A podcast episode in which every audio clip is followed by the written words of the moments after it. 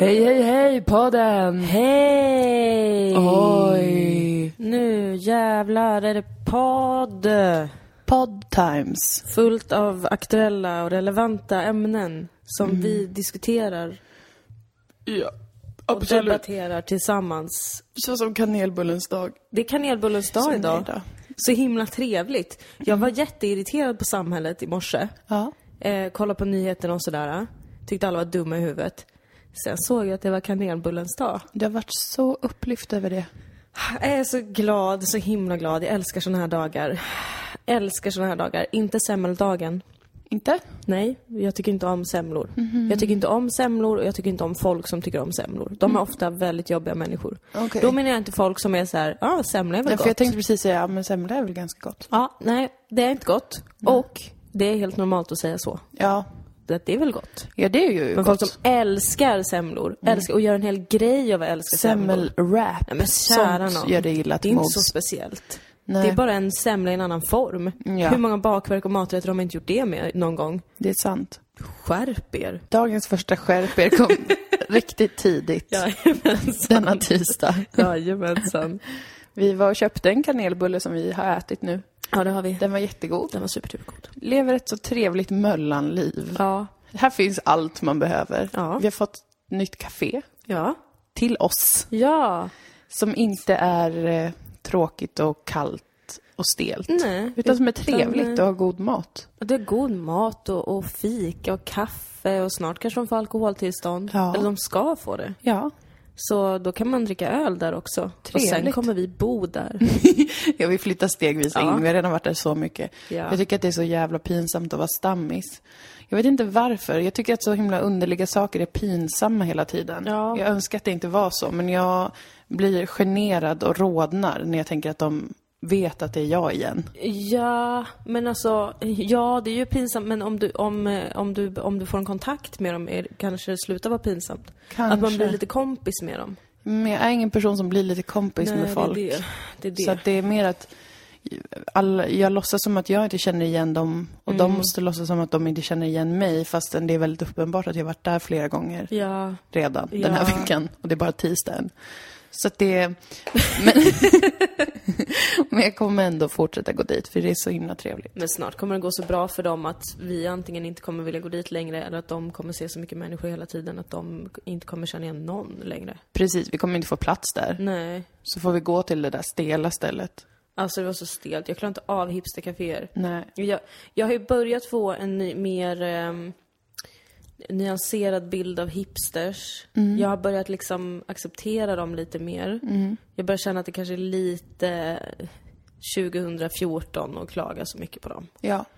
Men deras jävla kaféer får de fan ta och skärpa sig med. Ja, det finns ju ett café här på Möllan, eller om det ens räknas till Möllan. det är väl Sankt Nej, Knut, det är Sankt alltså. Knuts mer.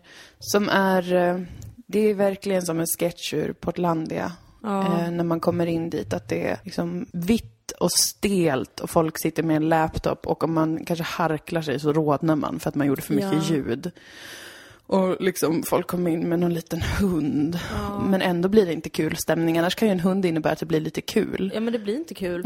Hur kan det bli kul när det är vitt och grått överallt? Ja, och det är liksom en sån spänd stämning. Det förstår Ja. inte jag, att varför det måste vara det. Och de tog inte kontanter. Mm. Vilket de förklarade för mig var för att de har blivit rånade. Men det slår mig nu att det är ganska många som blir rånade. Som ändå tar kontanter. Ja, man tar ändå kontanter. faktiskt.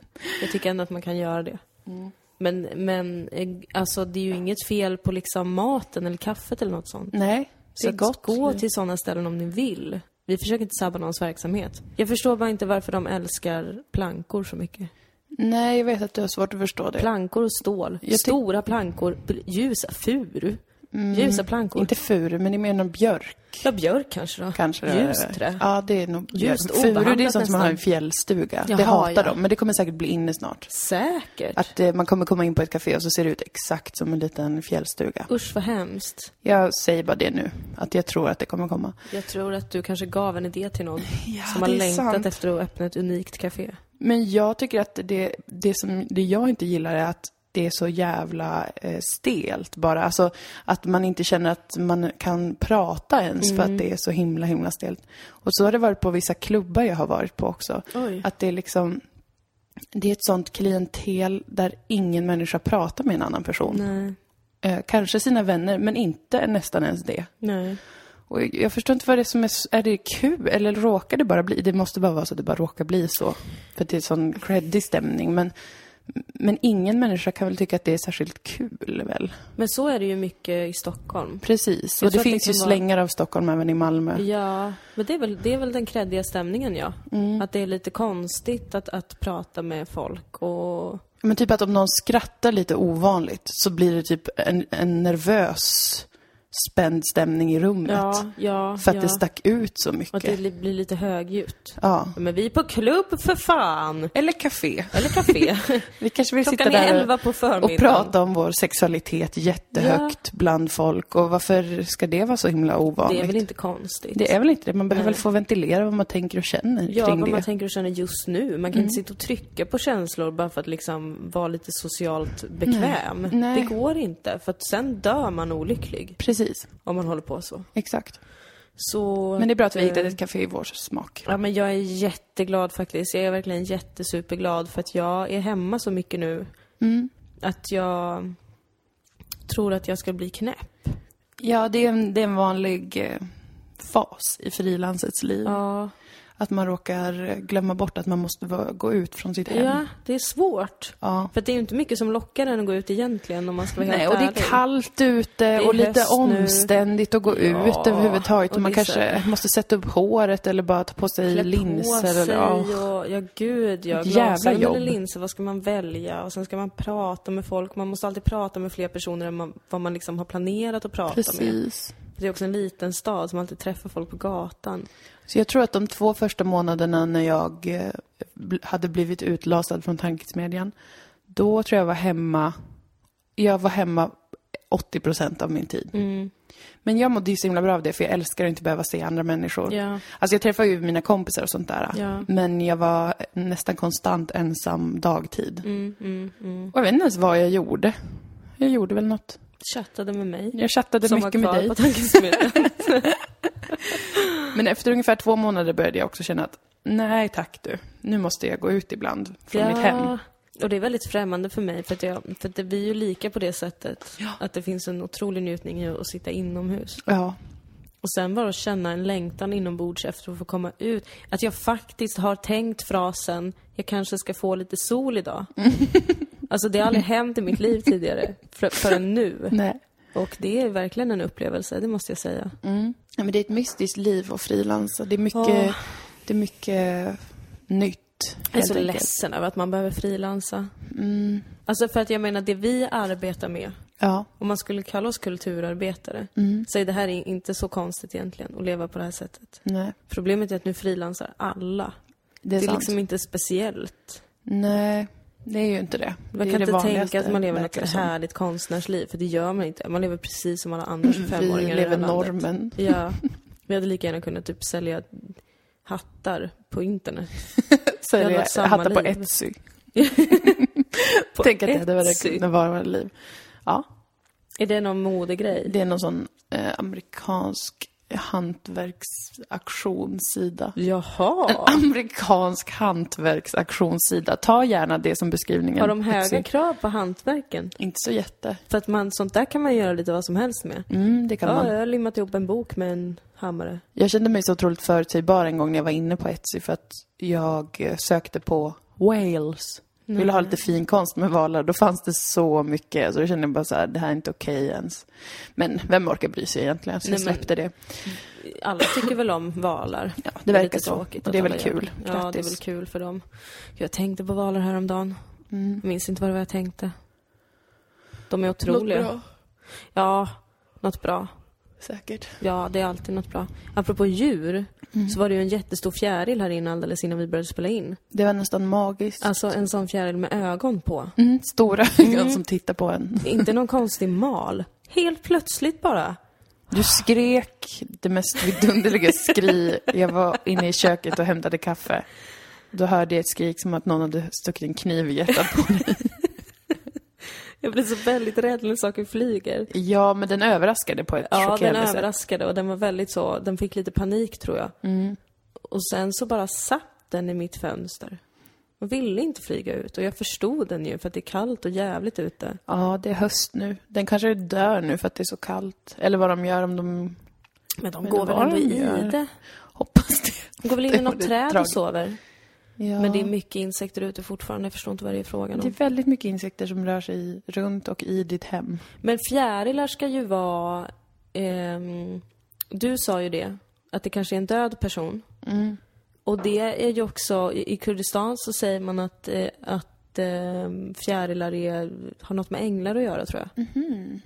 Det kanske är en död person som talar till mig. Det kan det varit. Ki- kanske var det kissspöket? Wow. Som Som, bara- eh, har tagit fjärilsform. Det var därför Ja. den var i din lägenhet utan att något fönster var öppet. Ja, och kissade jättemycket i min toa. Och sen bara, farväl Dilan. Ja, Vi ses. jag är en fjäril nu. Det Ja. kanske var någon konstig fjärilslarv som bodde hos mig. Och kissade. Ja, och kissade ner liksom min lägenhet så. Och nu, nu försvann den då. Ja, farväl då. Farväl. Lev i frid där ute. Farväl kisspöket. The end of an era. It sure is. Verkligen. Oh. Alltså, ska vi prata om tro, hopp och kärlek? Ja, gärna. Jag är alltid upp för att prata om dating-tv. För att jag har inget särskilt som jag vill ta upp, tror jag. Inte jag heller. Förutom att det skulle vara väldigt kul att få prata om tro, hopp och kärlek. Avsnitt fyra kommer idag va? Ja. Mm. Det är en eh, riktigt stark säsong. Alltså, det är en jätte, jättestark säsong. Mm. Mark Levengood. Mm. Han bara växer och växer i mina ögon. Mm, du älskar honom. Jag älskar honom. Och jag älskar att alla kristna i Sverige har honom. Mm. Jag är fullkomligt övertygad om att det är en sån person som alla religiösa grupper behöver. Mm. Jag vill ha en judisk Mark Levengood Mm. som kan stoppa konflikten Israel-Palestina till exempel. En muslimsk Mark Levengood som kan hjälpa Isis och skärpa sig. Mm, det är ett svårt jobb, ja, det är ett svårt jobb. men ändå. Men inte bara Isis, Nej. utan också eh, kanske de mer sekulära muslimerna och också de ortodoxa muslimerna. Och de katolska muslimerna om det finns sådana. Ingen aning om ifall de begreppen är liksom... Nej men eh, poängen kvarstår ju att alla behöver lite Alla självdistans. behöver en Mark Levengood. Alltså han pratar med kristna på ett så bra sätt att jag blir alldeles tokig.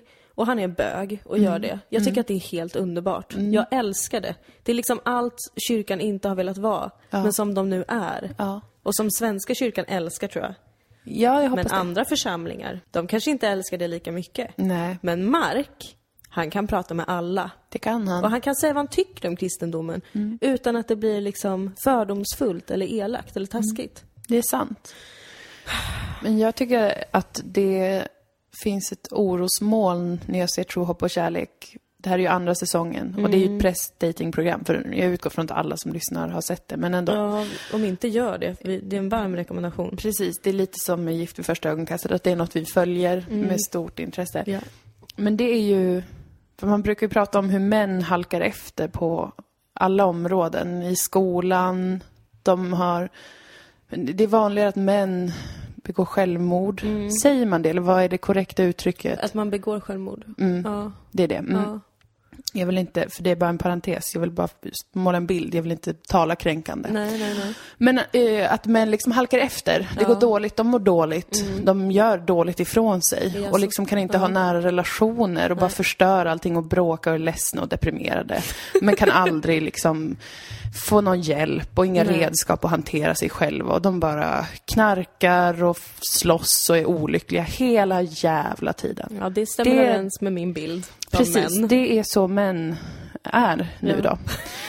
och jag tycker att det märks också i Tro, och kärlek att Mm. kvinnoprästerna, både förra året och i år, de är så underbara. Alltså de är så långt framme Mm. i sin emotionella utveckling, i sin sociala kompetens.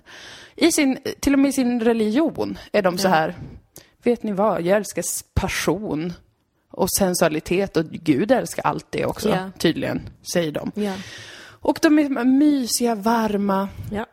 Jessica, Årets bästa präst. Hon är Tjej. ju inte bara världens bästa präst, utan världens bästa människa tycker Ja, jag. en underbar kvinna. Hon Som, är min största kvinnliga förebild, tror jag. jag tror också det. Hon tar med sig alla sina dejter och dricker gammeldansk med Ja. dem. Och sen sjunger hon röda bönor. Och sen säger hon att de frågade mig ingen fråga och jag kommer aldrig träffa någon av dem här igen. Alltså det är, det är helt fantastiskt. Det är Det är ju otroligt. jättetråkigt att hennes killar var så sämst. Ja, men hon kommer träffa, alltså oavsett hur det går med det här programmet så hon, Alltså jag hoppas att hon får ha en orgie efter det här programmet. hon måste alltså, få allt hon vill ha för att hon är så allt himla hon vill ha. Och hon pratar om, hon har varit sexability coach. Det är inte ens ett riktigt jobb, men hon har varit det. Ja. För att hon är så himla underbar. Och hon är bara så här, jag vill ha passion och njutning och det är Mm. det viktigaste av allt. Och jag är präst och jag har en djup tro och hit och dit. Och jag är bara så himla härlig. Och ingen man kan leva upp till det Mm. Nej. tydligen i det här programmet. Nej. Och sen är killprästerna. Ah. Eller en diakon och en frikyrkopastor. Och så he- helvetiskt stela och osköna. Man sitter och är på spänn och man känner så här, du är blockerad känslomässigt. Du kan vara med i hur många datingprogram du vill, men du har liksom, det är, det är bara en glasartad hinna över hela dig. Den här resan måste du göra själv, tänker ja, man. du behöver nog vara själv och du behöver komma fram till, eh, vad, vad vill jag ha, vad, vad behöver jag? Ja. Är jag attraherad av män? Egentligen. Vill du att en av dem ska tänka på? Ja, lite- ja, men jag har en viss har en känsla. känsla. Den känslan har du förmedlat till mig och nu kan inte jag titta på det här programmet längre utan att vara jätteledsen över att det finns en person som inte är bekväm med sin sexualitet i den här Man serien. får, precis, men man får ju den känslan, och så är det ju. Och, och så Ja. blir det ju när man är känslomässigt blockerad, som, som alla män är. Och det finns få lika tydliga exempel på hur män har halkat efter som det finns i Tro på kärlek. Fast alltså frikyrkopastorn, är han känslomässigt blockerad eller är han känslomässigt en psykopat? Vill jag slänga ut här utan att gå till personangrepp. Jag ber om ursäkt. det är ju ett personangrepp, men vi måste våga ställa frågan. För Vi att, måste våga. Alltså jag har blivit så kränkt av honom så många gånger. Ja, jag med, under väldigt kort tid. Han, han, han, han Mm. borde inte få vara pastor. Jag undrar hur lätt det egentligen är att bli pastor. Ganska för att lätt. då skulle jag vilja bli pastor och du utmana. Mm. hans lilla huskyrka. Och ha en egen Du huskyrka. vill ha en sån duell mellan era olika kyrkor. Ja. Du vet vart det kan leda. Man försöker starta en feud baserad på religion. Jag, jag, jag, Det är inte en bra idé generellt. det kanske inte har varit en bra idé tidigare, men jag vet att jag skulle förvalta det mycket, mycket bättre. Alltså jag höll på att slå ihjäl honom genom tv-rutan. när han satt, det här har jag talat med dig om många gånger. Men när han är på dejt med Lydia, underbar, underbar Lydia. Ja, en till, ett till exempel på en fantastisk kvinna. Hon är en fantastisk kvinna. Man var lite så, i början mot henne var jag lite så, what's up man? Va- Det var ju väldigt regisserat mellan henne och den andra tjejen tycker ja, jag. här är det dags för en parentes som är att det är Jarowski som gör det här för Mm. SVT. Jarowski som är ett sånt kommersiellt tv-bolag som gör all fittans jävla TV.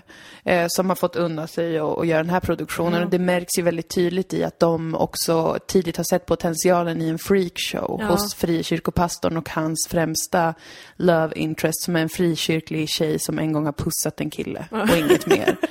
Och det har ju de bara, de har ju klämtat i en stor klocka och skrikit att nu är det freakshow-dags. Nu Ja. kommer vi inte klippa bort pinsamma tystnader. Vi kommer ha en lång, Oj, lång oj, oj, scen oj. när hon hänger av sig sin jacka och han står stelt i bakgrunden och stirrar. Och sen kommer vi lägga på sån här musik. Do, do, do, do.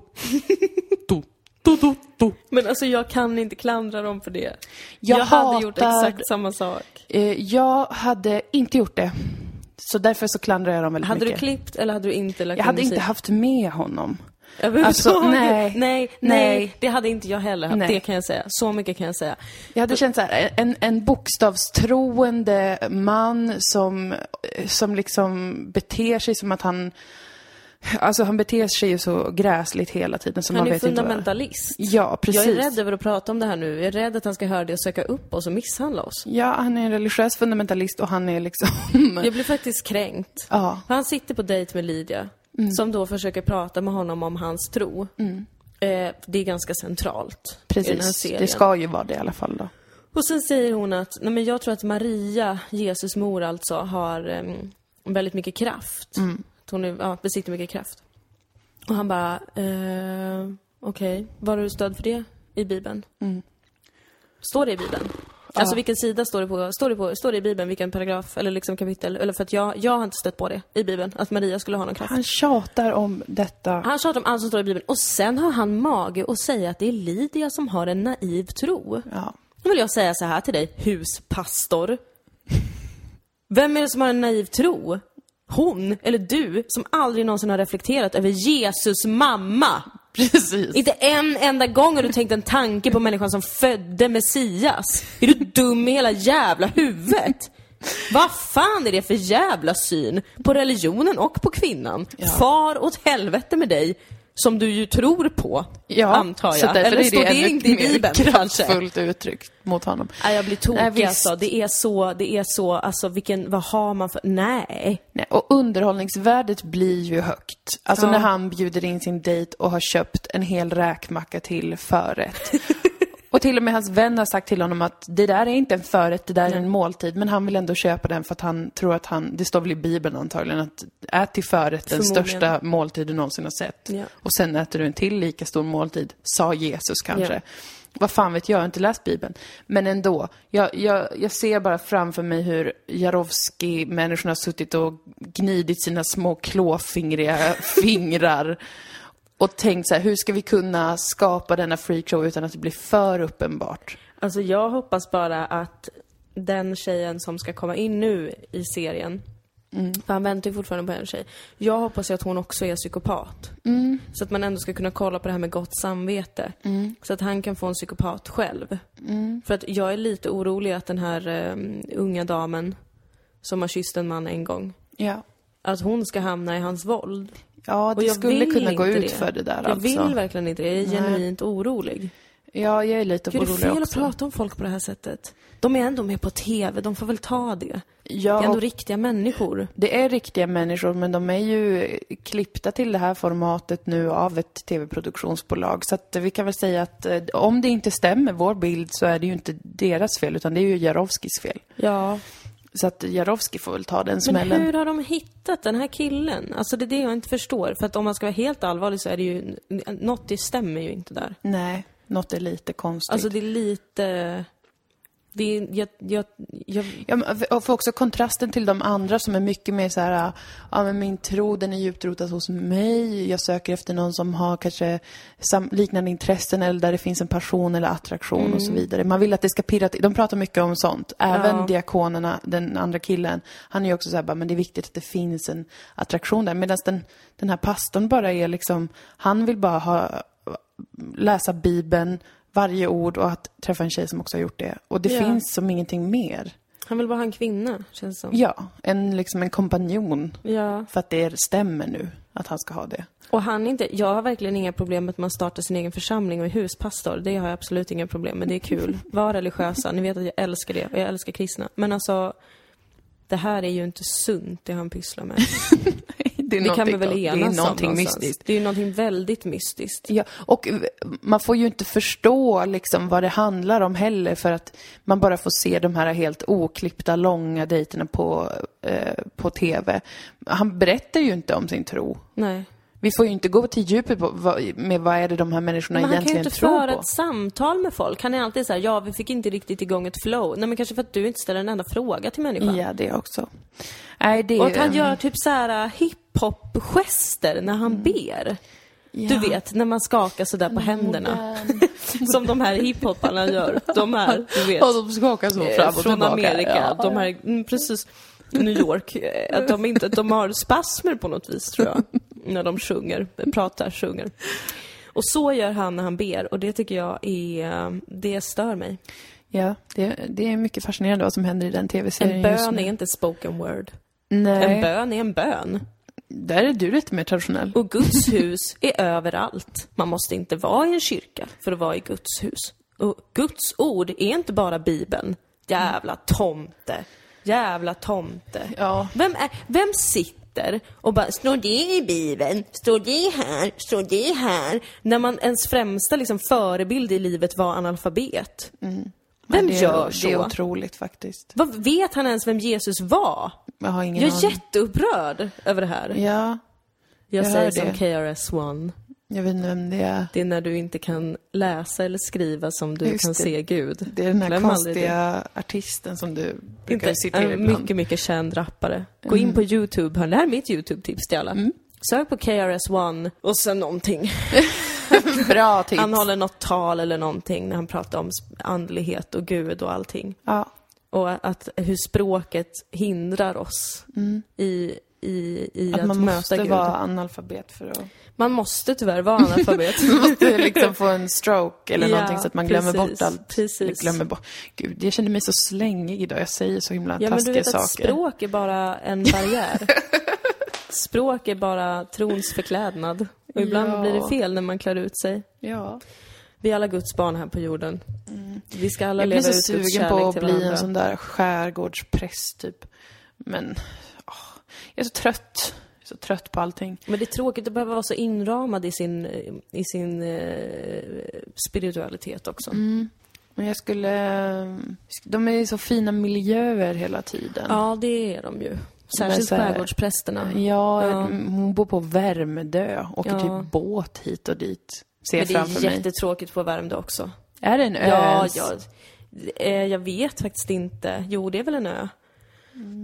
Eller flera öar. Jag vet inte. Söder om Stockholm i alla fall. Mycket rika, mycket barnfamiljer tror jag. Ja. Det är inte, det är inte kul alltså. Nej, det låter Nej. inte så kul nu. Nej, det är inte så kul. Men jag vill också vara en sån präst när jag ser en sån kvinnopräst som bara eh, älskar kärlek, typ. Mm. Men det kommer inte hända. Alltså jag skulle lätt kunna vara en sån präst som Jessica. Mm. Som mest pratar om sex med folk. Precis. Jättekul jobb. Ja. Men hur?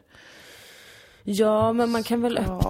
öppna, man kan väl starta sin egen, man kan väl ha en husförsamling. Ja. Gud, jag kan inte sätta ordet hus framför saker längre. Nej, jag vet. Jag blir nervös varje gång du säger något med hus. Jag bara, nej Dilan! Nej! Inte nu igen! Jag tänker också att en huspastor är en sån pastor som man inte tycker om. För att den är så himla inställsam mot vad normen nu kan vara Just det. inom kristendomen. Den är så inställsam mot protestanter i Sverige.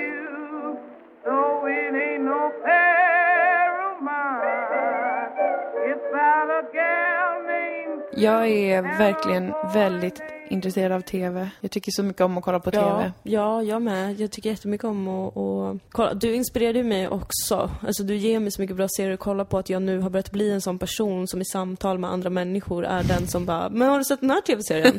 Men du, apropå det, det finns en jättebra TV-serie på det här ämnet. Men gud, nu kommer jag att tänka på TV-serie. Fruktansvärt. Det glädjer mig. Ja, det glädjer mig också. Nu har jag äntligen något att prata om med folk. Innan var det så himla svårt. Skulle komma på saker och ställa frågor om. Men när man har TV-serier har man alltid något att prata om. Ja, det har man verkligen. Särskilt när man har tv-serier som väcker ens tankar kring både kärlek och andlighet, Ja, så att säga. ja precis. Alltså jag skulle jättegärna vilja vara med i Tro, hopp och kärlek bara för, för att få prata om de här sakerna med någon. Ja, det kanske är den, den så att säga, plattform som jag tidigare har efterfrågat för att få tala om existensen Ja. och det här. Ja. Det kanske är att vi i Sverige måste vara med i en sån SVT Jarowski-produktion där präster söker kärlek. Det är det enda forumet där någon kan prata om att finnas till. Ja. För annars så är det som att det bara är, det är något vi bara är. Och det behöver man inte tänka mer på. Nej. Det tycker jag är konstigt. Nej, Nej, så kan det inte vara. Nej, det är ju jättekonstigt Så funkar stil. livet. Riktigt konstig stil. Ja, vad, vad ska man säga liksom? Det är en dramatisk säsong, det är allt jag kan säga. Och jag kommer fortsätta hålla ögonen på den här jävla huspastorn. Hålla koll på allt han säger. Jag ser fram emot avsnittet ikväll faktiskt. Ja, jag med. Och så ska jag kolla på, eh, jag har mer kollat också på första avsnittet av Bonde söker fru. Nej, det är inte en serie för mig, det är inte det. Inte? Det, nej, det är ju inte det. Jag såg ju hela, en hel säsong en gång där när det var någon jävla hästkille med som alla älskade så himla mycket. Som bara var någon tonåring typ. Jag kände bara det här är ett övertramp. Men eh, nej, det är inte riktigt en serie för mig alltså. Nej. Bachelor. Ja. I år är det Bachelorette, vad jag förstår det som. Det kommer jag se på. Vet du vad, jag har blivit trött på Paradise Hotel. Jag har blivit Va? för gammal för Paradise Hotel. Och jag... Först stod jag och tänkte så Du här. älskar Paradise Hotel. Jag gjorde det för några år sedan, så tyckte jag att det var riktigt underhållande reality eller dokusåpa eller vad fan det Ja. kallas. Eh, och så nu tänkte jag så här, är det en till dålig säsong? För förra säsongen var erkänt dålig. Jaha. Men jag tror inte att den är det. Jag tror bara att jag har, nu, när jag är 25 år gammal, så har jag vuxit ifrån det. För jag hade ju många år här där jag var tvungen nästan att se sån här TV för att jag inte hade tillgång till det under min uppväxt. Just det. Så för mig var det väldigt... Skogs-tv-syndromet. Precis, det var väldigt laddat för mig att få se Mm. sån typ av TV. Att så här, oj, det finns hur mycket som helst, jag får kolla på allt. Sett Ja. Ex on the beach och det är ju liksom det sämsta, vidrigaste någon någonsin kan göra. Eh, och det såg jag. Och liksom Paradise Hotel nu också har jag sett. Och nu är jag bara så här, det är så dåligt. Alltså det är så tråkigt och det är så fruktansvärt förutsägbart vidrigt dåligt, tänkte Ja, men jag. visst är det tråkigt? Alltså det är så gränslöst tråkigt. Ehm, och då insåg jag, men det är ju för att det inte är för mig längre. För nu när jag är Ja. 25 år gammal så har jag vuxit ifrån Paradise Hotel. Och Ehm, fyllesamtal kanske inte är så spännande längre. nej, för att det är ju bara exakt samma sak som upprepar sig hela tiden. Ja, det, det, det, det är det som jag har mest problem med egentligen, förutom att ungdomar förstör sina liv istället för Mm. Att ta sig en jag de- utbildning eller skaffa sig ett jobb. Det gör de sen. Ja, det gör de sen. Absolut, Moa. Men det är just det Om det alla måste vara så konforma. Ehm, Det är bara så här, ja, det är tråkigt. Okej, nu bråkar Anna och Jessica om en kille Ja. Mm. för att de är jättefulla. För att när de är nyktra bryr de sig inte så mycket om honom. Nej. nej, det är jättetråkigt. Så att det, nu har jag liksom förlorat en tv-serie, kan man säga. vad tråkigt. Eh, Vi har vuxit ifrån varandra, så att, eh, men eh, då kollade jag ju då på Bachelor förra säsongen. Det jag tyckte fortfarande var intressant. Mm. Får se hur det blir med Bachelorette som börjar tror jag Ja. idag. Sen har jag även sett om Peep Show, som vi har pratat om. Ja. Jag håller på nu att se om Portlandia, som jag inte tyckte var så himla bra, men som jag nu tycker är lite roligare. Mm. Och sen mer tv jag har kollat på är på Tidholms serie som heter Resten av Sverige. Just det, den vill jag se. Mm, den handlar om landsbygden och Norrland och varför det har blivit som det har blivit. Är det en hel grann. serie? Tre delar. Oj, eh, Som de är en timme per avsnitt ungefär. det är toppenbra ju. Ja, jag tycker att det är en, det är en väldigt... ehm, jag tyckte mycket om första delen i alla fall. Ja. Och andra delen också ganska mycket. Men jag har en grej med på, på Tidholm som är att jag tror att han hatar mig. Jag tror inte, för det första tror jag att han inte vet vem jag är. Men jag tror att om Nej. han visste vem jag var så skulle han verkligen ogilla mig. Jag vet inte varför jag har den känslan eh, så Nej, himla starkt.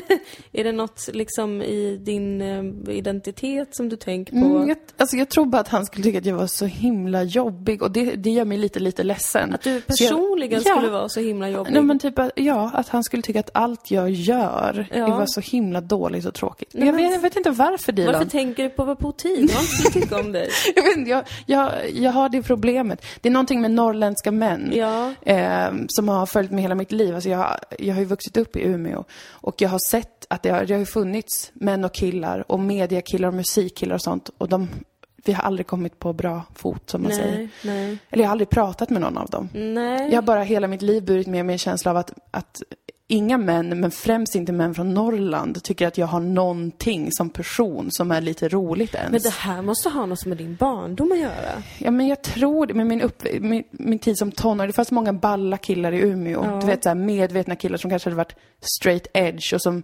skriver någon, någon, någon balt i Arbetaren eller någonting. Ja. Så här vänster eh, Norrlandskillar. Ja. Men som känns som att de verkligen ogillar djupt eh, mig. Ja. Och det här baserar jag på bara, det här är bara min magkänsla, jag vet inte var den kommer ifrån. Det här får, tåls att forskas på. Men jag kan har det bara den känslan. att man, man tror sig vara hatad av sin liksom eh, grupp på något vis? Kanske den grupp som jag, som jag kanske borde ha tillhört. Ja. Men som, jag tillhörde ju aldrig någonting. Exakt. Jag var ju alltid bara med en- ett, ett litet tajt gäng tjejer Ja, som stod utanför allting. ja. Så alla så här balla media och musik och punkkillar i Umeå tänkte jag alltid så här, de ogillar verkligen mig. För jag tänker alltid att alla orten-invandrare ska hata mig. Mm. För att jag är Täby-invandrare. Och därför jättesvennig. Att jag aldrig Alltså jag, någonsin som, som kommer vara med på din utsago. Alltså andra generationens invandrare, som jag själv är. Mm. Att de är så himla mycket ballare än vad jag är.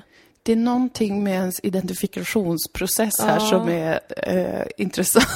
Ja. man. För att det hade ju varit en sak om jag eller du hade träffat någon av dessa män Ja. och de hade sagt saker till en eller uttryckt Precis. ogillande. Men det har ju inte hänt för, utgår jag från. Nej, de är bara helt som vanligt mot den faktiskt. Precis. Och jag menar, Bo Tidholm har ju bara gjort en serie om Norrland och ändå Ja. så sitter jag och tittar på den med en stark känsla av att jag önskar att han inte skulle hata mig. det, är det, det är det jag tar med Det är mig. jättemystiskt. Ja, visst. Men jag tror också det är någonting med att vara eh, komiker, så att typ ehm, så killar, journalister och sånt som har pratat om tidigare.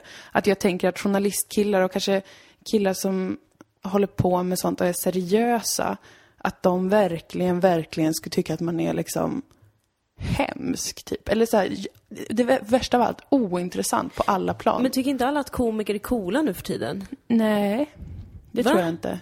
Det trodde jag. Varför leker komiker så jävla balla hela tiden för? Men det är någon intern grej, tror jag. Men det var väl kanske typ två månader förra året som komiker fick en röst, typ. Ja, jag vet inte vad som pågår Som opinionsbildare eller någonting. Mm. Nej men, liksom att man skulle vara, att man är helt ointressant för att man inte har det. Vad är det? dem. Jag vet inte. Nej. Någon slags eh, seriös analys, att man tar på sig ett par glasögon, sätter sig ner och pratar i ett debattprogram. Och är där lugn och saklig. Och väldigt norrländsk, eller vadå? Ja, eller bara ha liksom en god analys och är lugn. Och inte håller på att skrika olika saker och, och flamsar. Nej, för det gör ju du. Det gör ju jag. Du har sällan en god analys och du skriker och flamsar. Det är ju Lundqvist i ett nötskal. Men det är alla dessa män som finns i periferin i mitt liv som fortfarande har någon konstig makt över mig. Som har att göra med att jag inte hade någon tillhörighet som tonåring. Det tycker jag är speciellt. Det är det som är så fiffigt av patriarkatet också. Ja. Man får för sig så mycket saker på egen hand att män egentligen inte behöver göra så mycket i sitt förtryck. De bara gör sin egen grej. Ja. Man bara, men måste du hata mig? Varför hatar du mig allt jag gör utan att ens veta vem jag är? Och att jag talar till dig nu. Vad är det frågan om? Det, det är väldigt underlig grej. Jag har som med flera, eh, främst då alltså män som kommer från norra Sverige och som jobbar med något lite seriöst eller Ja. är politiska på olika sätt. Att jag eh, bär på en övertygelse om att de, inte ens att de hatar mig, men att de tycker att jag är liksom så oerhört ointressant som Ja. människa och liksom ingenting i den här världen. Och det är speciellt. Ja, det är speciellt. Jag känner ändå att jag kan relatera lite. Dels med orten-invandrare men också med, med, får man säga så? Jag vet Är inte. det kränkande eller? Har jag kränkt någon nu igen? Vi har väl kränkt alla. Ja. Vem orkar bry sig längre? Eh, men också kurder. Mm. Men för mig tänker jag att det är en del att jag liksom växte upp lite utanför allt det där. Att man känner att man vet att man är något men att man inte tillhör det till 100%. Men du växte ändå upp i Umeå. Fast du Mm. Ja. höll dig väl ändå undan? Jag höll, höll mig undan och jag har haft svårt att räkna mig riktigt som någonting. Ja, Alltså det är inte så himla självklart tycker jag. nej. Att hålla på med det. Men sen är det ju ändå så här, rimligtvis så borde de ju egentligen tycka att jag är bra. Ja, du är ju en missionär för norra Sverige om inget annat. Precis. Så det är ju, nej det är, det är väldigt underligt. Allt Ja, det är väldigt det. underligt, särskilt när det är något som man kanske inte riktigt vill tillhöra på något sätt. Nej. Men att man ändå har det där lite inombords som gnager i en. Ja. Den här rotlösheten, ja. den är ju spännande på riktigt, obs. Tycker jag. Ja, jag tycker också det. Att det är fascinerande att man kan ha en sån känsla baserat på ingenting verkligt. Men bara en idé om att det finns någonting som man inte tillhör. Något som man liksom inte riktigt kan eller får vara en del av. För att det är någonting i en som liksom är för mycket av något annat eller du vet. Ja, att man inte lever upp till det. Precis. Vad nu det är. Ja, för mig är det då att jag inte lever upp till någon slags seriös, eh, tillräckligt seriös och allvarlig eh, stil. Mm. Att jag inte tar saker på allvar riktigt. Att jag inte har tillräckligt god analys Ja, och att jag inte jobbar med något sånt. Att jag inte är statsvetare. ja, ja, ja. Så tänker jag lite med kurdgrejen också. Mm. Att jag inte gör något för mitt folk. att jag inte kan mitt språk. Att jag blir lite orolig ibland för ifall folk tror att jag tror på ett fritt Kurdistan Mm. och bryr mig om kurder överhuvudtaget. Fast jag gör det jättemycket, men det är också en konstig grej att bry sig om. Ja, det är så, Varför ska jag behöva svårt. bry mig om mitt språk? Varför ska jag behöva bry mig om det? Det är ju absurt egentligen. Mm. Men så gör man det ändå. Fast jag gör ju ingenting åt saken så att säga. Nej, men det är också det här med, på, med att liksom bära på en viss eh, sentimentalitet inför var man kommer ifrån eller vad man identifierar sig som eller med.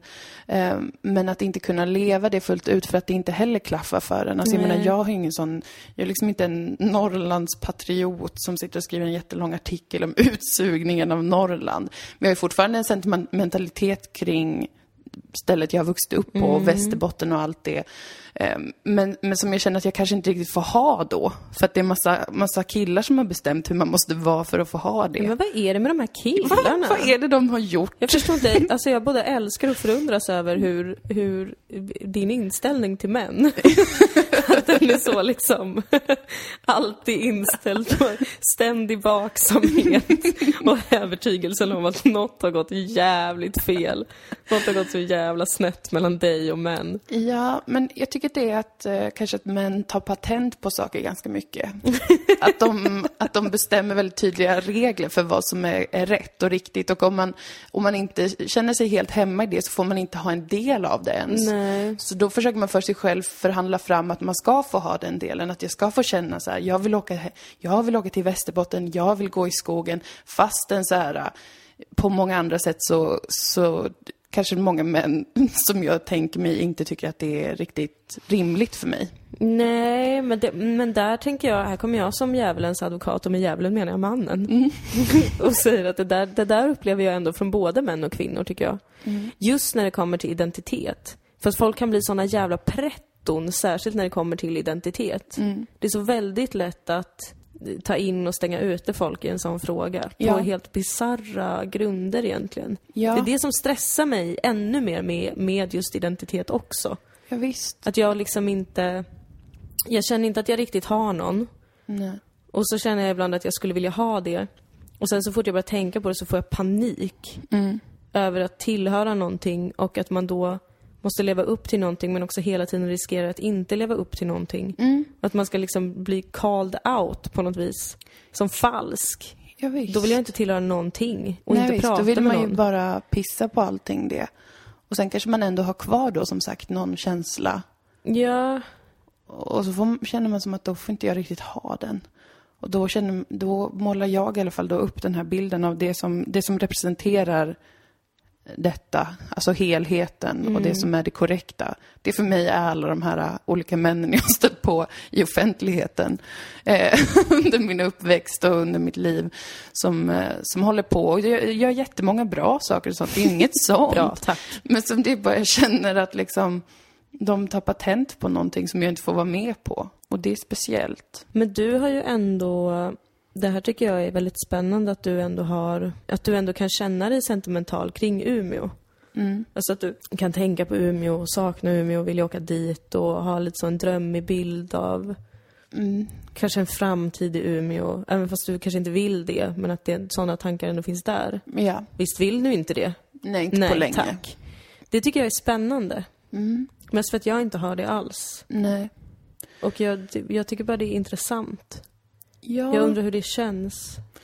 ja, det är ju som att det, det finns eh, till och från ett väldigt, en, en väldigt, ett starkt vemod. det västerbottniska vemodet Mm. som försöker locka hem mig. det är som en vildvittra i skogen. Kom, det börjar bli för glest. Precis, kom hem. sa de på tysk brytning. Precis, det är en vildvittra från Tyskland som lockar mig. Nej, men en, bara, det, är inte, det är inte en känsla av att nu ska jag göra en rationell plan för hur jag ska lägga upp det, utan det är bara en stark känsla av att det, jag måste på något sätt ta mig dit igen. Och det är ju inte som att det är krig i Umeå och jag inte kan Nej. flytta dit. Utan Nej. jag skulle kunna flytta dit när som helst egentligen. Det är bara att jag skulle behöva göra om exakt hela mitt liv och allt skulle förstöras för jag skulle vara så otroligt olycklig. Ja. Men jag tycker också att det är konstigt, men jag har haft så ända sedan jag flyttade dit. Att jag vill, att jag längtar hem. Flyttade hit menar du? Ja, precis. Flyttade hit till Malmö. Ja. Att jag eh, längtar dit. Jag tycker det är så spännande. Mm, ja, det är konstigt också. För det tyckte ju jag var det bästa med att flytta till Malmö. Eller jag tror att det är därför som jag har mått så bra av att flytta till Malmö. Att jag aldrig... För jag känner mig liksom aldrig hemma i Täby eller i Stockholm eller med, ja, allt där liksom. Och då var det så skönt, alltså både med att jag inte kände mig hemma i min typ identitet som kurd, LOL. För att folk gör en identitet av det, det är så himla konstigt. Eh, eller som stockholmare eller någonting och sen att komma till Malmö och vara liksom ingen i en helt ny miljö som är totalt främmande var bara så superskönt. Att bara få lite så bli sin egen person på något vis. Ja. Ja, Så jag känner liksom ingenting för, för Täby. nej, alltså jag tänker aldrig på Täby och bara gud, vad... och det var ju inte då, dåligt att växa upp där. Det var Nej. ju toppenbra. Ja. Och kul och härligt. Men jag är bara så här, mm, Ja, jag undrar också om det på Nej. något plan har att göra med om man är, vad, vad är, har varit klar med det. För jag tror inte, när jag flyttade från Umeå, jag var liksom inte klar på något sätt. Jag flyttade inte för att så här, nu har jag gjort de här olika stegen. Jag, jag bröt ju upp med, jag hoppade ju av skolan och jag flyttade ganska hastigt. Ehm, och jag tror att det var ändå mycket för att jag var så pass ung och det var så mycket som var fel, alltså att jag mådde så uselt. Att det på något sätt är liksom ofärdigt, tror jag, Ja. kan ha med det att göra. Att det var inte så här, åh, jag, sen gick jag klart gymnasiet och sen började jag plugga det och sen var det dags att ta ett år i en annan stad och så. Ja. Utan jag var ju, mådde svindåligt, hoppade av och drog. Och sen så var det Och då liksom... drog du till Malmö. Mm. Varför, varför drog du till Malmö då? För att jag hade en god känsla Det var bara Malmö. det? Det var bara det. Jag hade aldrig varit i Malmö. Men jag, det var, jag tyckte att det verkade vara en rolig stad som jag hade, aldrig hade varit i. Och för att det fanns så många människor i Malmö som jobbade med roliga saker och Ja. gjorde bra grejer. Var, gjorde roliga radioprogram och ritade roliga serier. Mm. Och, så jag tänkte att det verkar finnas någonting där. Det verkar vara creative fun. Gud, har haft så helt olika resor. Ja, det har vi haft. spännande. Men så att jag tror att ibland att den hemlängtan jag har är mer än liksom en känsla av att, att det bröts upp så pass snabbt. Mm. För att jag, mitt sista år när jag bodde i Umeå så tyckte jag om Umeå väldigt mycket. Mm. När jag var yngre tonåring då hatade jag Umeå som alla tonåringar gör. Eller hatar sin hemstad. Att man säger bara, jag vill till Stockholm. Så Mm. Ja. den grejen. Men sen så när jag bodde tillsammans med Amanda och sådär, min bästa vän, då trivdes jag svinbra. Mm. I staden typ. Mm. Men sen var jag ändå tvungen att flytta för att Amanda flyttade och Anna flyttade och alla mina nära vänner gjorde andra saker. Ja. Så det var mer liksom också en panikreaktion. Mm. Så jag, jag kan tänka mig, eller jag tänker ibland att den hemlängtan, den liksom förvirringen kring vars jag bor Mm. har att göra med det. Att jag inte var, var liksom helt med på vad jag gjorde för någonting. Nej. Det är man ju aldrig i och för sig. Nej, men, eh, men lite extra i ditt fall kanske. Mm. Särskilt när man är så pass ung ändå. Ja, och för att jag ändå upplevde det som väldigt dramatiskt. Ja. Alltså att jag var så jävla, jävla lost. Det fanns inget så här överlagt, ordentligt beslut bakom det, utan det var liksom en, så här, en desperat lösning eller en desperat situation. Att det enda som potentiellt skulle kunna innebära att det blir bättre är att eh, flytta till en helt annan stad. Det jag inte har någon aning om något, typ. Ja. Så att, det, att flytta så i någon slags flykt, eh, flyktläge, det, kanske, det, det ger ju ett annat slags uppbrott än om man bara så här, jag är så trött på det här nu, nu måste något annat hända. Eller typ, nu har jag fått ett jobb, eller nu har jag kommit in på en utbildning. Jag, flytt, jag bestämde ju först för att jag skulle flytta till Malmö. Sen hittade jag en jättekonstig folkhögskoleutbildning som jag fick läsa fast jag inte hade gått gymnasiet och sånt. Så jag tror nog det. Kanske. Jag har inte tänkt, alltså jag börjar tänka på det lite mer de, den senaste tiden. För den här hösten har jag haft så jävla mycket hemlängtan. Eller längtan till Umeå. ja, Eh, Så jag funderar på vad det är för någonting. jag blir som- lite orolig. Men jag kommer inte flytta. Jag älskar ju. Malmö mer Ja. än någonting. Bra. Uh, I Bra. love this place. Det är en så himla trevlig stad det här. Det är så himla trevligt. Flytta inte hit, hörni. Men, Stay away. Kom gärna och besök. och ge av era pengar till turistnäringen i den här stan. Men jag fortsatte ju med det där beteendet. Alltså för sen eh, när jag inte kom in på serieskolan. Jag sökte två gånger till serieskolan. För jag, höll, Ja. jag ritade ju svinmycket Mm. när jag var teenager. eller ritade serier så sen kom, sökte jag två gånger och kom inte in. Och då fick jag ju också panik igen, för jag hade ju inte liksom rotat mig i Malmö. Jag hade ju ingen idé om vad fan jag skulle göra i Malmö för någonting. Nej. Och då igen så bara, panage. Då flyttade jag till Stockholm. Ja. Och bara, jaha, vad ska jag göra här? Okej, jag får typ jobba som vikarie. Alltså, jag tror också att, att flytta i en sån, när man är i det läget, gör en lite orolig. Ja. För att fly hela tiden från saker. Ja. Man tänker att det här kommer vara lösningen, det är en ny plats. Det känns ju otroligt klyschigt och stereotypt att göra så. Men ändå att det, det tar så lång tid för en att få liksom någon slags balans. Men det var väl också bra att du hade något att göra de där åren? Ja, visst. Alltså flytta fram och tillbaka och ha panik.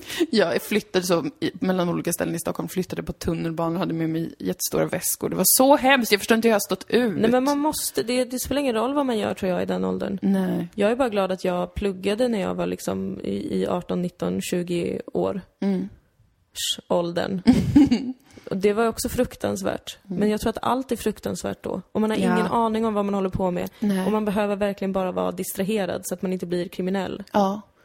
För det är, det är det enda alternativet för unga människor, om de bara inte blir distraherade. Mm. Till att stå ut med de här fruktansvärda åren i livet. Det är så himla konstigt att kunna se tillbaka på, för det är så nyss. ja, Men det känns som så himla stor skillnad, tycker jag. det är ändå sex år sedan vi var 19. Ja, det är det. Det börjar vara ett tag. Ja. Men det känns som först nu som i alla fall jag kan liksom tänka tillbaka på det. För det känns som att jag absolut alldeles nyss var mitt uppe i det Ja. fortfarande. Även fast nu har jag ju bott i Malmö i fyra år. Ändå. Mm. Nu börjar det vara som att jag kan fatta vad som hände för fem ja. år sedan. Nej men faktiskt egentligen, jag har typ tänkt att jag är 19 Mm. ganska länge. Fram tills att jag var typ 24. Och sen bara okej, nu är jag snart 25. Ja. Det är så svårt att hantera tid. Jag vet inte. Och det är så alla äldre ju alltid säger att det går snabbt och helt plötsligt så är man äldre och allt det här. Och fy fan vad skönt det är. Ja, men det är Fy första gången jag fan. upplever det. Alltså innan jag har aldrig tänkt liksom så mycket så här bara, så var jag då. Utan jag tänkte hela tiden, så här är jag nu. Mm. Men nu är första gången i mitt liv som jag kan se tillbaka och se så här, jag förstår vad som hände där. Mm. För att jag kan se det liksom nu i retrospekt. Mm. Men jag har inte gjort det innan. Jag tror det Nej. är därför jag har haft 25-årskris också. För att de här insikterna börjar komma, eller vadå? Mm, för att jag börjar tänka på mitt liv ur ett helt annat eh, tidsperspektiv. Alltså jag börjar Mm. tänka på mig själv som någonting som har varit någonting som har liksom eh, utvecklats på olika sätt. Istället för att hela tiden tänka att det, jag fortfarande är det just nu. Mm. Och det är ett helt annat sätt att tänka. Ja. Eh, att jag inte, eller att jag känner liksom ett stort främmandeskap inför vissa saker i mitt eh, förflutna. Mm. Så tänkte jag aldrig förut. Nej, var bara så här, det här är jag och det där var jag. Hej, hej. Nu kör vi. nu är det mer det här är jag och hur fan kunde det där vara jag? Precis. För nå- Som den här skärmdumpen jag skickade till Ja, det var igår. så roligt. Alltså det jävla var så himla pinsamt. roligt. Återigen har man hittat något kul på Facebook som påminner en om vad man gjorde för uppdateringar 2004. Alltså så jävla pinsamt. Då ser jag att jag skrivit en status som är typ så här. Ännu en underbar helg på Boomers avklarad. Fint väder och trevliga medlemmar. Se fram emot nästa gång, punkt. Som någon jävla liten fittpolitiker. Vilket jag ju var på den tiden. Men alltså tänk dig att man har varit ett barn. För jag var nog under 18 när jag skrev det. Ja. Och säger såna saker. Skriver såna statusar på Facebook. Som någon jävla Ardalan Shekarabi. Eller någon annan jävla sosse som bara skriver två meningar med absolut ingenting. Bara för att visa att de har varit någonstans och träffat medlemmar. Det är Vad helt otroligt. Alltså när du skickade det till mig, jag, jag skrattade rakt ut och jag tänkte, tänk att Dilan har varit denna personen. Alltså tänk att jag på riktigt har varit den personen. Det är ju helt absurt det är idag. så spännande. Ja. Jag kanske kan lägga upp den i vår Facebookgrupp så folk får se. ja, gör det. Det är jätteroligt. Exakt hur tragiskt det har varit. Nej, men jag kanske också kommer in. Jag ligger ju några månader efter dig i all utveckling. Precis. Jag, Exakt. jag kanske kommer in i precis samma grej nu eh, snart. Ja, men för jag har tänkt på att all den panik, eller inte panik, men de stresskänslor jag har upplevt inför att bli äldre och allt det vi har pratat om jättemycket om det här med att, eh, att folk börjar skaffa barn och att man själv behöver tänka på vad, vad man är för slags, vad man ska vara för vuxen och allt det här. Fast man inte måste det, men det kryper sig på och man kanske märker att man, eh, vissa intressen ändras och man kanske inte tycker det är lika kul att supa längre och allt sånt. Som handlar så himla mycket om vad som ska hända härnäst. Det tänker jag också kommer sig av upplevelsen av att ens tidsperspektiv har förändrats under den här perioden. Eh, och då kan det ju kanske behövas att, att ge sig lite tid till att tänka på det också. Istället för att hålla på och hetsa upp sig om saker som may or may not happen framöver. Utan att den stressen kanske mer handlar om faktiskt att det är jättesvårt att uppfatta för tiden går och typ man är väldigt förvirrad 90 procent av tiden. Och man förändras, eller man utvecklas på olika sätt hela tiden. Så jag vet jag, jag har liksom tänkt att det är väldigt lätt att börja bara tänka framåt extremt mycket. För det är så lätt. Egentligen borde det inte vara lika lätt, för det är liksom helt oklart vad som ska hända och det styrs av en miljon olika saker. Det som har hänt på något sätt har ju, det är ju ett skeende som redan har passerat, som man skulle kunna titta på och försöka förstå. Men att det känns som ett mycket mer avlägset alternativ, för att man tänker så här, det har varit, hej då. Men jag tror att jag eller att det kan tjäna något till kanske för ens lugn. Försöka förstå saker i retrospekt. Ja, och, och bara få liksom en... eh, Alltså också göra klart för sig själv hur mycket som faktiskt händer i livet. Att se tillbaka och se vem man var då och vad man hade då och sen faktiskt fatta att allting är ganska annorlunda idag. I de flesta fall är ju livet ganska annorlunda efter några år. Ja. Och att faktiskt påminna sig själv om att det är man själv som har gjort alla de här sakerna. Ja, det är och så skapat konstigt. det här livet. Trots att man var så himla, himla förvirrad. Ja, Och då liten. förstå att det gör ingenting att vara så himla förvirrad, för att det mesta löser sig. Ja, Så länge man bara harvar på. man gör någonting hela tiden. Det är Ja. så konstigt. Det är väldigt, väldigt underligt. Dagarna bara går. Och så händer det saker. Man behöver inte göra så mycket heller för att det ska hända saker. Nej. Man behöver bara bestämma sig för man, vad man vill göra i vissa specifika situationer. Ja, alltså Ta det jag, första steget. jag rensade två lådor som jag har under sängen med olika pennor och papper i. Jag har liksom hundratals sidor med bara jättemycket teckningar. Som jag har inte ritat på svinlänge nu för att jag tyckte det blev pinsamt. För att jag kände mig dålig. Men alltså hundratals bilder och massa, massa saker som också var så jävla sjukt för att jag känner som att det var nyss jag höll på med det. Men sen Ja. inser jag att det här var liksom tre, fyra år sedan. Ja. Det är så himla speciellt. Så ligger de bara där. Massa anteckningar och bilder som jag har Och ritat. allt det har hänt. Allt det har hänt. Allt det där har du gjort, det har Allt hänt. av mina små celler. En gång fanns inte de bilderna. Det är väldigt underligt. Det är väldigt, det är väldigt, väldigt, väldigt konstigt. speciell tid att vara vid liv. Det är det verkligen. Det, och det är, ja, det är lite mindblowing när man, när man får sådana konkreta bevis framför sig också på att tiden har gått. Mm. Som att man hittar hundra teckningar. Eller man hittar alla filer man har laddat ner från Juridicums hemsida ja. någon gång och inte läst igenom. Det är väldigt, väldigt spännande. Time flies like an arrow. Yes, it Fruit does. flies like a banana. Yes. Vet inte vem som, det kanske är Andy Warhol, jag vet inte. Någon sa det. Det Någon sa det citatet innan mig. Ja. Även det är ett bevis på att tiden går. Tiden går, alltid ett bevis på att tiden går. Jag, jag vill säga förlåt till Po Tidholm för att jag lät honom vara katalysatorn för ett väldigt förvirrat samtal om att identifiera sig med sin bygd. Ja. Men det är inte ditt fel, Po. Jag hoppas du förstod att du bara har varit en, ett redskap. Po? Ja, Är det ett gammalt svenskt namn jag eller? vet inte. Po. Jag tycker i alla fall att serien är bra för att återknyta, så Ja, ja, se ja, den. Den är precis. väldigt intressant. Jag ska. Mm. se den. Jag ska se den. Jag, Vissa saker är lite pinliga, men det får det ju vara. jag vill också tipsa alla om serien som vi har tittat på tillsammans som heter Atlanta. Jättebra. Som, den kanske jag har tipsat om redan i podden. Ja, Den är kanske. fantastisk i varje fall. Och Issa Rays eh, tv-serie Insecure kommer börja, tror jag, 9 oktober. Jag Nice. länkar jättemycket på HBO. Nice. Oh my god! Fett. Mm. Och vi åker ut på turné. Ja! På fredag. Woo! Då åker It's vi till Växjö. Då startar vi turnén. På Café Deluxe. Café Deluxe. I Småland. I Småland, ja. Och dagen efter åker vi till Göteborg. Ja, Och då kommer vi vara på Henriksberg. precis. Där har vi varit en gång tidigare. Ja, nu får ni som inte hann köpa biljetter sist chansen då att komma. Ja. Eller kom igen. Eller kom igen, men passa inte på. förbjudet. För att det rullar på av satan, Jajebus. den här försäljningen. Jajebus. Vi är tacksamma och ödmjuka inför det. Mm. Sen kommer vi ju till eh, Norrköping och Örebro. Ja. Och sen Stockholm och Berlin. Ja. Och sen Malmö. Ja. Och sen i december kommer vi till Umeå. Ja. Men allt det här kan ni läsa mer om på vår hemsida. www.dilanomoa.se turné. That's beautiful. Tack så mycket. Och jag ska börja med balsammetoden. Just det. Vissa av er på Twitter sa att det inte är bra, andra sa att det var bra. Det var fler som sa att det var bra. Jag har tagit mitt beslut, för vi lever i en demokrati, så jag har tagit mitt beslut, beslut baserat på majoritetens eh, utsago. Ja. Jag kommer alltså sluta tvätta håret med shampoo, Ja. bara tvätta det med balsam. Just det. Det kommer vara fett i fyra till sex veckor. Ja. Och jag håller på att spara ut ö- ögonbrynen. Så jag kommer se för jävlig ut i höst, men det är för att jag ska kunna blomma som en fjäril i vår. ja, precis.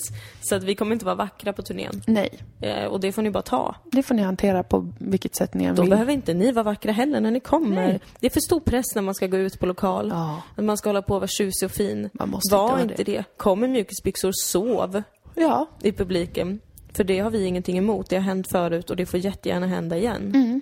Eh, för då vet vi att ni känner er bekväma. Kom dit och var bekväma bara. Ja, Eh, det blir jättebra. Du, jag måste gå för jag ska laga ett hål och jag är Just det. jätteledsen över det. det är jättetråkigt. Jag går till tandläkaren. Skit i tandläkaren. Snusa ordentligt istället. Snus Ja, det dödar är verkligen- karies. Är det sant? Mm. Well, that's amazing. Jajamensan. det är det Därför bästa jag tips inte jag har fått. så ont i tänderna varje dag. Då säger vi farväl. Och vi hörs nästa vecka. Ja, det gör vi. Ha det så bra hörni. Puss. Och tro inte på det här med att det har kommit nya stjärntecken förresten, för det stämmer inte. Nej, NASA, vad vet NASA om astrologi? Jag blir fan tokig. de är helt ospirituella. Ja, det är de. Puss och kram. Hej då!